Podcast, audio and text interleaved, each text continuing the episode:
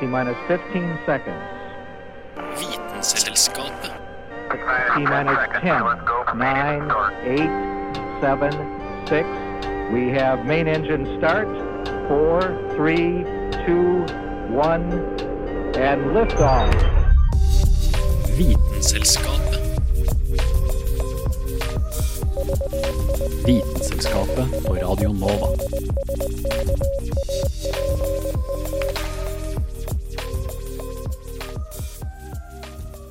Om du og jeg skulle laget hver vår liste over de viktigste organene vi har i kroppen, så tror jeg ikke listene våre hadde blitt særlig ulike. Vi har sirkulasjonssystemet, altså hjertet, som da selvfølgelig pumper blod og oksygen til og fra lungene, og videre til andre systemer i kroppen. Du har nervesystemet, muskelsystemet og fordøyelsessystemet. Da har jeg eksempel leveren. Alle sammen er jo kroppsdeler du vil slite ganske mye med å klare deg uten. Men her føler jeg vi glemmer noen andre nokså viktige organ. Ja, du trenger dem kanskje ikke for å overleve, men hva med kjønnsorganene? Kanskje du i likhet med meg ikke fikk supermye ut av de tre-fire timene med seksualundervisning i niende klasse, utført av en småklein naturfagslærer med en ganske streit powerpoint. En del år, og heldigvis et par erfaringer siden, sitter i hvert fall jeg likevel igjen her med ganske mange spørsmål. For hvis sex i bunn og grunn handler om videreføring av gener, hvordan kan det ha seg at så mange nyter det da? Hvordan ble p-pillen til? Og hva med dinosaurer? Hvordan har de sex, da? Og hva er egentlig klamydia? I den neste halvtimen skal vi forsøke å svare på akkurat disse spørsmålene. Tema for denne utgaven av Vitenselskapet er nemlig sex. Jeg heter Sunniva Sol Sandnes Blix, og du hører nå på Vitenselskapet på Radio Nova. Hæla i taket med Vitenselskapet.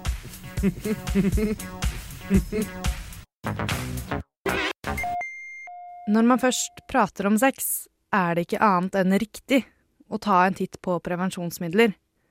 Og det mest brukte prevensjonsmiddelet etter kondom i Norge er en pille de fleste av oss kjenner som p-pillen. PPP-pillen. Pillen eh, med de mange ryktene. Pillen alle har hørt om. Det er den pillen jeg skal fortelle dere litt om i dag. Kanskje knuse noen rykter, eller bekrefte noen sannheter. Mange lurer på om man blir feit av å gå på p-piller. Får man større pupper eller renere hud? Er det den beste formen for prevensjon? Kan du risikere å bli steril av å gå på de, eller kanskje komme til å dø av blodpropp om jeg begynner på det? La oss ta en nærmere titt på saken. Ifølge vår kjente og kjære lommelege så vil p-piller ikke ha noen stor innvirkning på vekt. Det kan eh, samle seg litt vannmengder i kroppen din som fører til noen hundre grams forskjell, men om du legger på deg drastisk, er det nok dessverre ikke p-pillen du skal skylde på.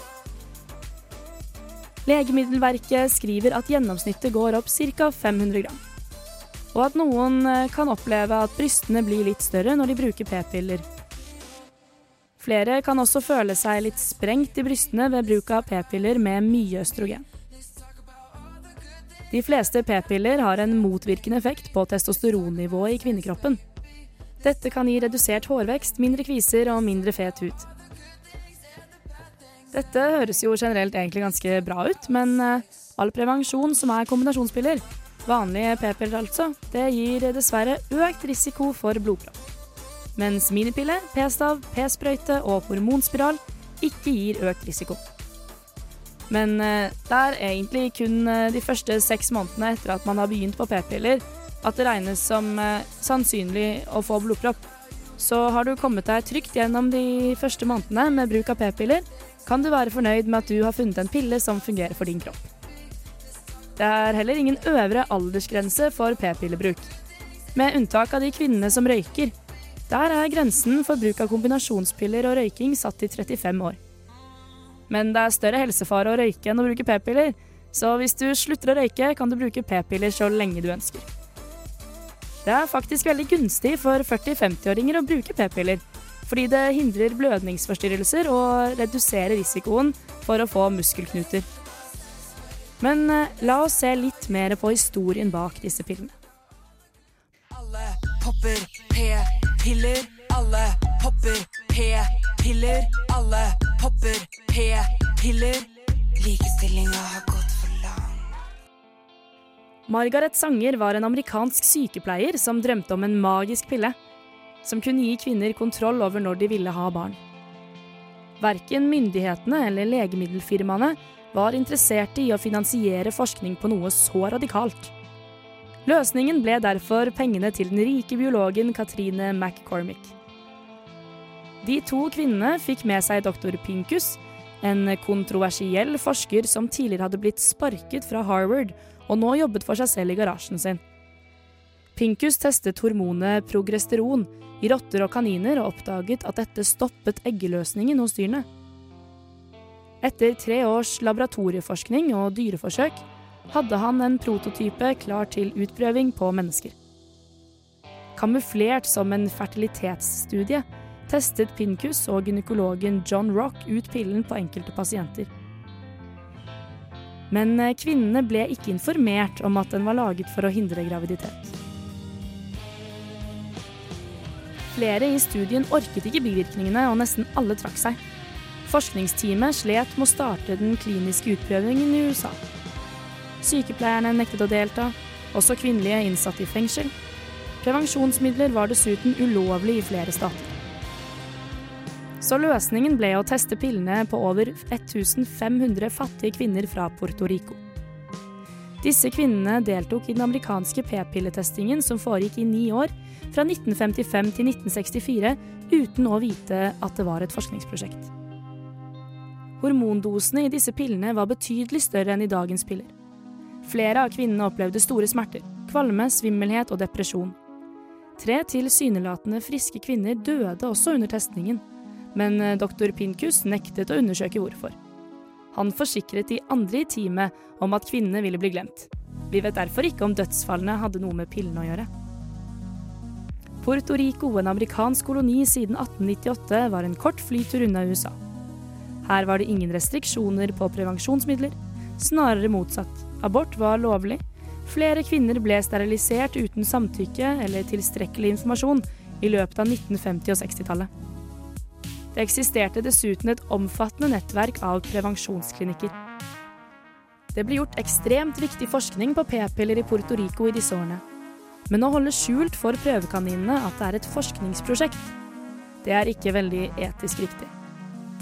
Man kan gjøre mye god forskning, men om man eh, glemmer moralen, er det da egentlig god forskning? Vi kan vel alle være enige om at den forskningen disse to kvinnene og doktor Pincus utførte i Puerto Rico, ikke er greit på noen som helst måte.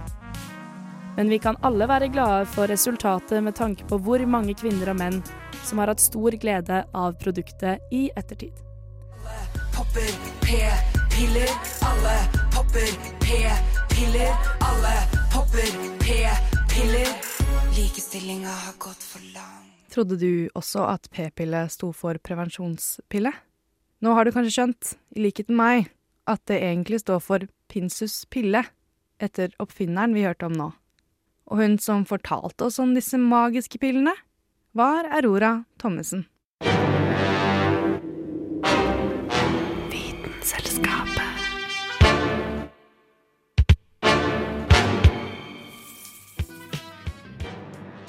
Noen vil kanskje si at sex på mange måter er som en god bok. En innledning, etterfulgt av en spenningsoppbygging, før man til slutt, forhåpentligvis, når klimaks.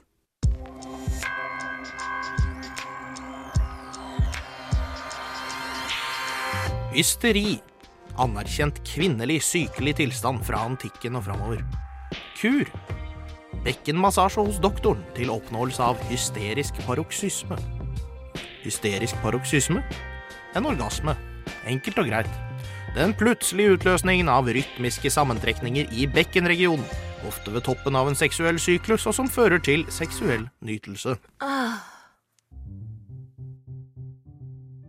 Etter lange møter bak åpne og lukkede dører forkastet man ideen om kvinnelig hysteri rundt 1920. Den varte altså bare i litt over 2000 år, den altså. Før man tok orgasmen ut av legekontoret. Men hvis det er sånn at kun den mannlige er nødvendig, med sæden og alle de greiene der, hvorfor finnes den kvinnelige? De fleste teorier virker å være bundet opp i nettopp det reproduktive. Desmond Morris, en engelsk zoolog, fremmet at en orgasme sliter ut kvinnen, og således holder henne horisontal, og at dette igjen hindrer sæden fra å lekke ut. Denne teorien, populært kalt slakteøkshypotesen, regnes nå for å være svært tvilsom. Hvorfor det, liksom? Um, she just fainted. She's, you know what? That means she was excited. Naturlig utvelgelse har også blitt nevnt som et argument. At en kvinnelig orgasme er et ledd i å finne en best mulig partner for best mulig genetisk opphav. TV-kanalen TLC, som for øvrig står for The Learning Channel, who knew, liksom, gjennomførte et eksperiment i 1994 hvor de plasserte fiberoptiske kameraer inne i vaginaen til en kvinne mens hun hadde samleie. Når kvinnen oppnådde orgasme, førte bekkensammentrekningene til at livmorhalsen dukket ned og hentet opp sæden som lå øverst i vaginaen, som om den skulle forsikre seg om at noen nådde livmoren. Så mange gode argumenter. Ikke helt like, men roten virker å være det samme. Men en morsom greie, kanskje det mest selvmotsigende, kommer gjennom Alfred Kinseys verk The Sexual Behavior of the Human Female. Undersøkelser han gjennomførte, viste nemlig at 80% av lesbiske kvinner hadde orgasme godt over halvparten av alle samleier. Dette i motsetning til 50% av de heterofile. Noe som da ble forklart fordi kvinner gjerne kjenner kvinners knapper bedre enn menn. Så en liten gresstust i veien for det heterofile elementet. Eller følg meg på den her. Hvis det er størst sjanse for befruktelse ved kvinnelig orgasme, som mange teorier peker mot, og kvinnens beste sjanse for orgasme er med en annen kvinne til stede Nei, nei, nei, vi stopper der. Jeg tror liksom ikke det argumentet hadde funka heller, uansett hvor godt du hadde presentert det. Men til å være en greie, og tro meg, hvis du skriver 'kvinnelig orgasme' inn i søkefeltet på Google, som jeg da var pen nødt til i researchen til denne saken, er det et hav av artikler. Hvordan oppnå orgasme? Beste måten for deg til å gi din spesielle dame the time of her life, osv., osv. Hvorav the up and over, What is that? the down but not out What is that? og table for two What is that? virker å være de mest anerkjente. Men til å være en greie, liksom, så er det forbausende hvor lite enig man er. Funksjon, oppnåelse Det finnes ingen vitenskapelig fasit. Det eneste man virker å være enige om, er at en orgasme settes i verk av ryggmargen, på kommando av hjernen, hvorpå topplokket kan overstyre og shut it down om det ønsker. Så det er viktig å være in the mood. Men de kroppslige effektene for både menn og kvinner er mildt sagt positive, så det er god grunn til å fortsette vår søken. Men bruk huet da, kids.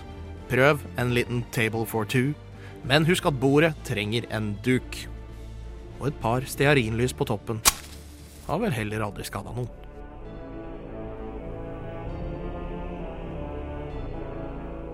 Og mannen vi virkelig kan si har peiling på kvinner, heter Dag Løvold Magnussen. Å vite vet Vitenselskapet.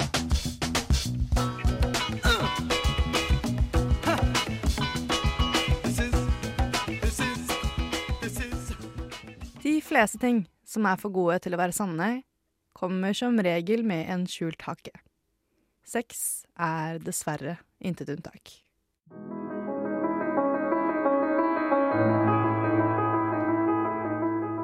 Helt fra vi er små, lærer vi å beskytte oss mot smitte. Ikke klem nabojenta med lus i håret. Hold noe foran munnen når du hoster. Og husk å bruke badesko i gymsaldusjen. Gulvet er jo fullt av fotvorter. Når vi blir eldre, så lærer vi å beskytte oss ved sex. Husk å bruke kondom. Men det er grunnen til at vi ikke skulle klemme nabojenta, holde oss foran munnen ved hosting og bruke badesko i dusjen, var for å begrense smitting av henholdsvis hodelus, forkjølelse og fotorter. Så gjemmes ofte grunnen til å beskytte seg ved sex bak det litt diffuse begrepet kjønnssykdommer. Alle vet at man helst bør unngå å smittes. Men teknisk sett, hva er egentlig seksuelt overførbare infeksjoner, som det heter på fagspråket? En av de aller vanligste kjønnssykdommene i Norge er klamydia. Klamydia smittes gjennom en bakterie, klamydia trachomatis. Klamydiabakterien lever som en parasitt i slimhinneceller. Og hvis man plasserer en klamydiabakterie utafor en slimhinne, f.eks. på et uh, toalettlokk eller en hånd, så vil bakterien dø en veldig rask død. Bakterien kan derfor bare reise fra vert til vert, eller menneske til menneske, via kontakt med slimhinner, som vi finner i urinrør, skjede, anus og øye. Så for de av dere som har hørt at man kan få klamydia i øyet, det stemmer. Faktisk kan klamydiabakterier i øyet gi kronisk øyebetennelse, som kan føre til blindhet. Og i verden som helhet så er denne type kronisk øyebetennelse en av de vanligste årsakene til blindhet.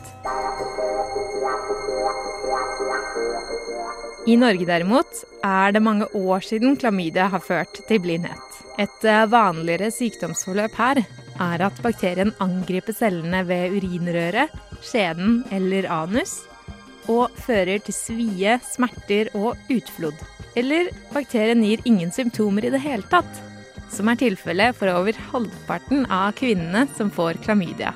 I sjeldne tilfeller så kan klamydiabakterien spre seg opp til livmor, eggledere og eggstokker, og forårsake bekkeninfeksjon, som kan føre til infertilitet hos kvinner. Eller bakterien kan angripe sædblærer, prostata og testikler hos menn.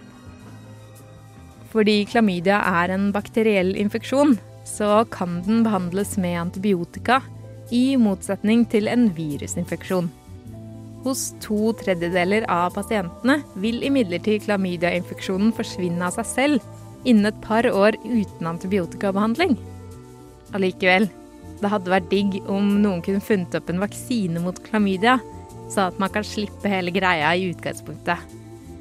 Og akkurat det jobber bl.a. forskere i Danmark med. Målet er at vaksina skal kunne gis som en nesespray istedenfor eller i kombinasjon med en sprøyte. Det er nemlig antageligvis en forbindelse mellom slimhinnene i nesa og slimhinnene i underlivet. Og forskerne tror at de aktive stoffene i nesesprayvaksinen vil kunne reise til cellene i underlivet som er utsatt for klamydiabakterien. Reisen fra nese til underliv er imidlertid lang, og krever at vaksinestoffene klarer å forsere flimmerhår, slim og immunsystemet til lungene. Vaksinestoffene får derfor følge på veien av positivt ladde nanopartikler, som skal hjelpe vaksinen gjennom alle hindrene i kroppen, som en slags personlig livvakt. Men før vaksinen er klar, så skal den jo gjennom lange forsøk på bl.a. klamydiasmittede griser. Så det vil nok ta en stund før den er klar til bruk for oss mennesker. Derfor, husk badesko i gymsaldusjen. Ikke klem noen med hodelus. Hold deg for munnen når du hoster, og bruk kondom. Og saken om klamydia var laget av Hanne Grydland. Radio nå. Dinosaurene var, som de fleste andre dyr, nødt til å pare seg, eller pule, for å spre sine gener videre. Men hvordan gjorde de det? Dinosaurer er som kjent de kuleste og mest interessante dyrene som har levd på denne kloden. Og som alle dyr av en viss kompleksitet sprer sine gener ved å pare seg. I dyreverdenen har man ofte, dog ikke alltid, to kjønn, og evolusjonsbiologien sier oss at dette er for at man skal få en større variasjon i genmaterialet, som dermed øker sjansen for overlevelse, og dermed videre spredning av genene. Noen dyr er hermafroditter, som betyr at de kan bytte kjønn, og noen snegler kan pare seg med seg selv, ettersom de har både kvinnelige og mannlige kjønnsorgan, og dermed spre sine unger uten sex med andre snegler. Problemet blir da at avkommet blir eksakte genmessige replikar, kloner med andre ord, og ikke den genmiksingen og triksingen nødvendig for videreutvikling. Så det er her kjønnene kommer inn. Og dinosaurene består av hanner og hunder, som sprer sine gener gjennom sex. Vi snakker derfor dino-sex, hanky-panky in the dinosaur world. Det er lett å glemme når man ser på de majestetiske, enorme dinosaurskjelettene. Men disse dyrene, med sine mange fasonger, former og størrelser, måtte tross alt pule som alle andre dyr, for å spre sine gener videre. Så spørsmålet er da hvordan gjorde de det? Svaret på det spørsmålet avhenger selvsagt av hvilke dinosaurarter det er snakk om. Og sex er ikke bare penis i vagina, selv om de ofte er slik. Og selv om det er mange former for peniser og vaginaer, så er oppbyggingen til selve akten av ytterste viktighet. Vi snakker dermed om paringsritualer, som vi jo vet fra dyreriket i vår egen tid, hos noen arter kan bli svært spektakulære. Noen arter har utviklet sofistikerte evner og ritualer, gjennom f.eks. dans og sang, og presset utviklingen i retning av seksuell seleksjon, som jo er avhengig av at sexpartnerne velger hverandre gjennom ritualene de utfører. Mye tyder på at dinosaurene hadde flere forskjellige ritualer. Bare hør på dette klippet fra historien om den berømte dinosauren Big Al. Away from the lake, Al picks up a new scent. Dung left by a female Allosaurus has an immediate effect on Al, and for the first time in his life, he issues a mating call.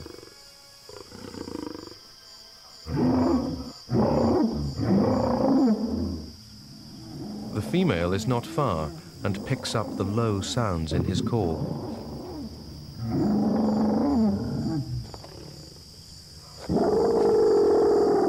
She is much larger than Al. He will have to be careful.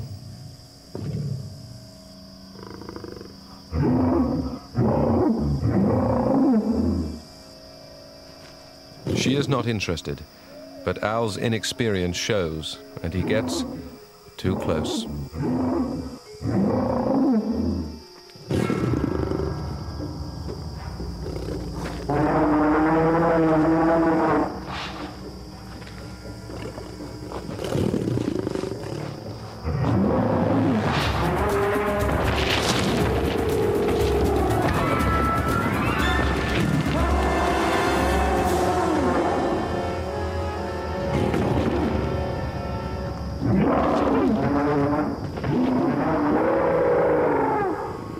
Al is lucky.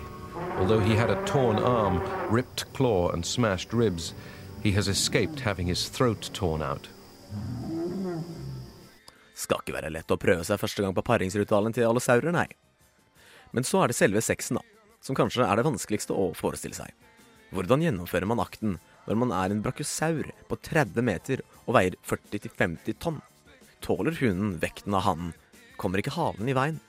Det kan virke som sauropodene, altså de langhalsede dinosaurene, de største landlevende dinosaurene som har levd, med sine enorme størrelser, lengde og vekt, hadde spesielle og åpenbare vanskeligheter knyttet til sexakten. Dog ser det ut til at de hadde sine evolusjonære triks for å løse visse av de problemene som måtte oppstå. Bare hør her. Mating is a dangerous activity for the female. She is going to have to carry at least an extra 10 tons on her back. As she has grown older, the vertebrae over her hips have become fused and reinforced to help her cope with this ordeal.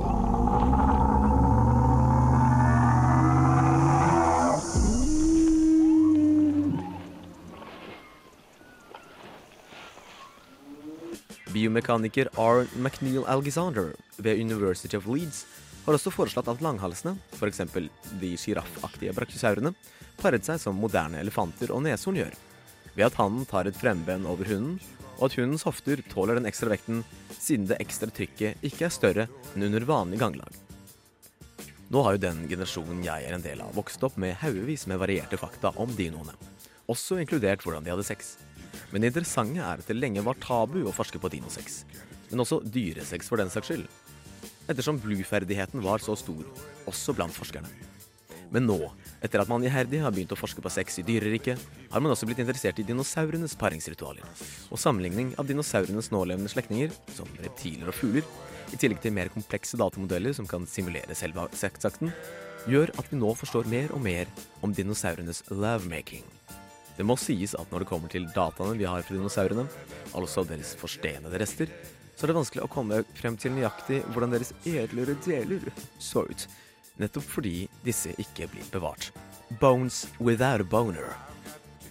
En annen ting som også er problematisk, er at det er uhyre sjelden at man finner fossiler av dyr in action. Men som tidligere nevnt er det mye man kan få ut av undersøkelser av nålevende dyr. Men skal man da sammenligne med fugler eller reptiler? Mange reptiler, som krokodillen, har penis som hannen bruker for å inseminere hunden. Dog er det slik at mange fuglearter kun har cloecae, åpninger der spermen overføres gjennom det som kalles et coeclakyss. Så hva hadde dinosaurene? Finnes det en tyrannosaurpenis? Svaret er mest sannsynlig ja, for når man sammenligner med de fugleartene som er mer arkaiske, altså de nærmere de eldre variantene, så finnes det avansert utstyr. Dog er det fortsatt kontroversielt, da det er mange måter dinosaurene kan ha peilet på. De kan f.eks. ha rygget inn i hverandre og viklet halene sammen, slik at kloakaene kunne møtes. Og det er alltid spørsmål om hvor fleksible dinosaurene har vært. Sto de oppreist, la de seg ned, hva med de tobente dinosaurene, osv., osv. Det som er sikkert, er at dinosaurene må ha paret seg, at hver art hadde sine måter å gjøre det på, og at dette må ha vært litt av et syn.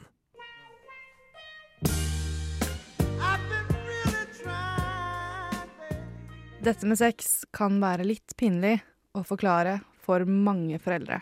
Så for å gjøre ting litt enklere, har vi rett og slett laget en kort innføring i samleie som dere kan spille av for deres barn. Selvfølgelig basert på den gode, gamle metaforen om blomster og bier.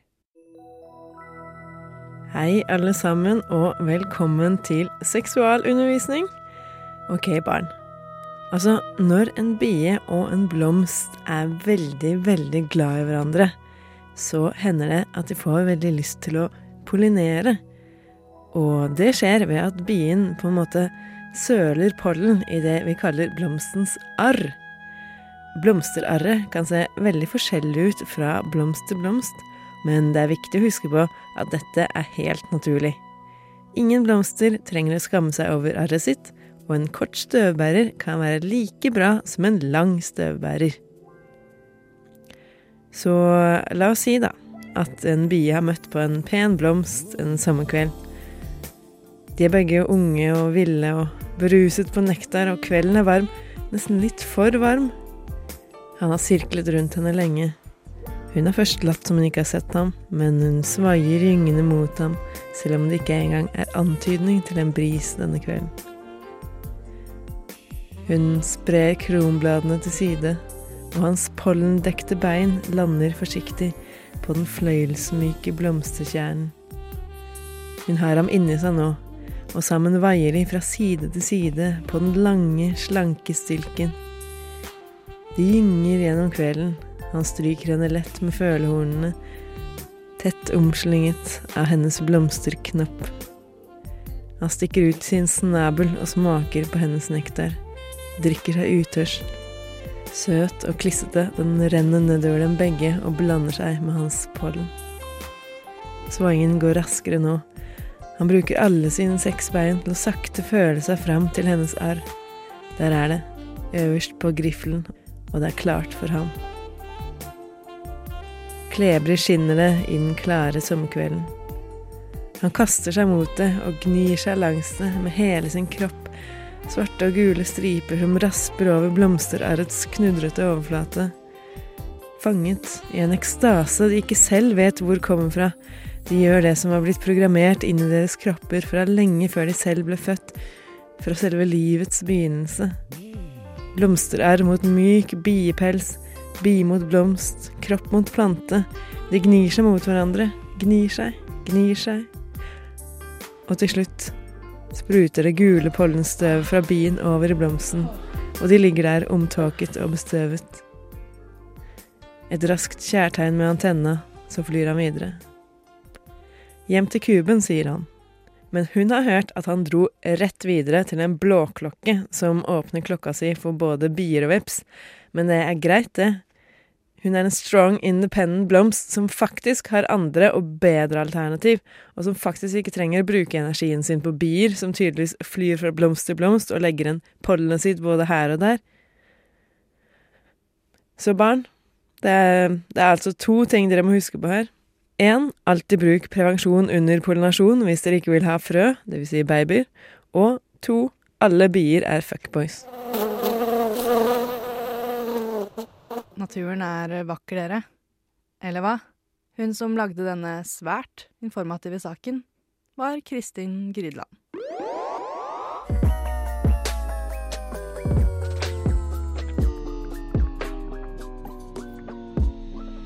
Vitenselskapet. Det er ganske mye som bør komme litt fram i lyset når det gjelder sex. Men dette var det vi rakk å ta for oss i dag. Jeg håper at du, i likhet med meg, i alle fall har blitt litt klokere. Denne Sexed-spesialen var laget av Dag Løvold Magnussen, Kristin Grydland, Hanne Grydland, Dag August Schmeding Dramer, Aurora Thommessen og meg, Sunniva Sol Stannes Blix. Vi høres. Du lytter til Radio Nova.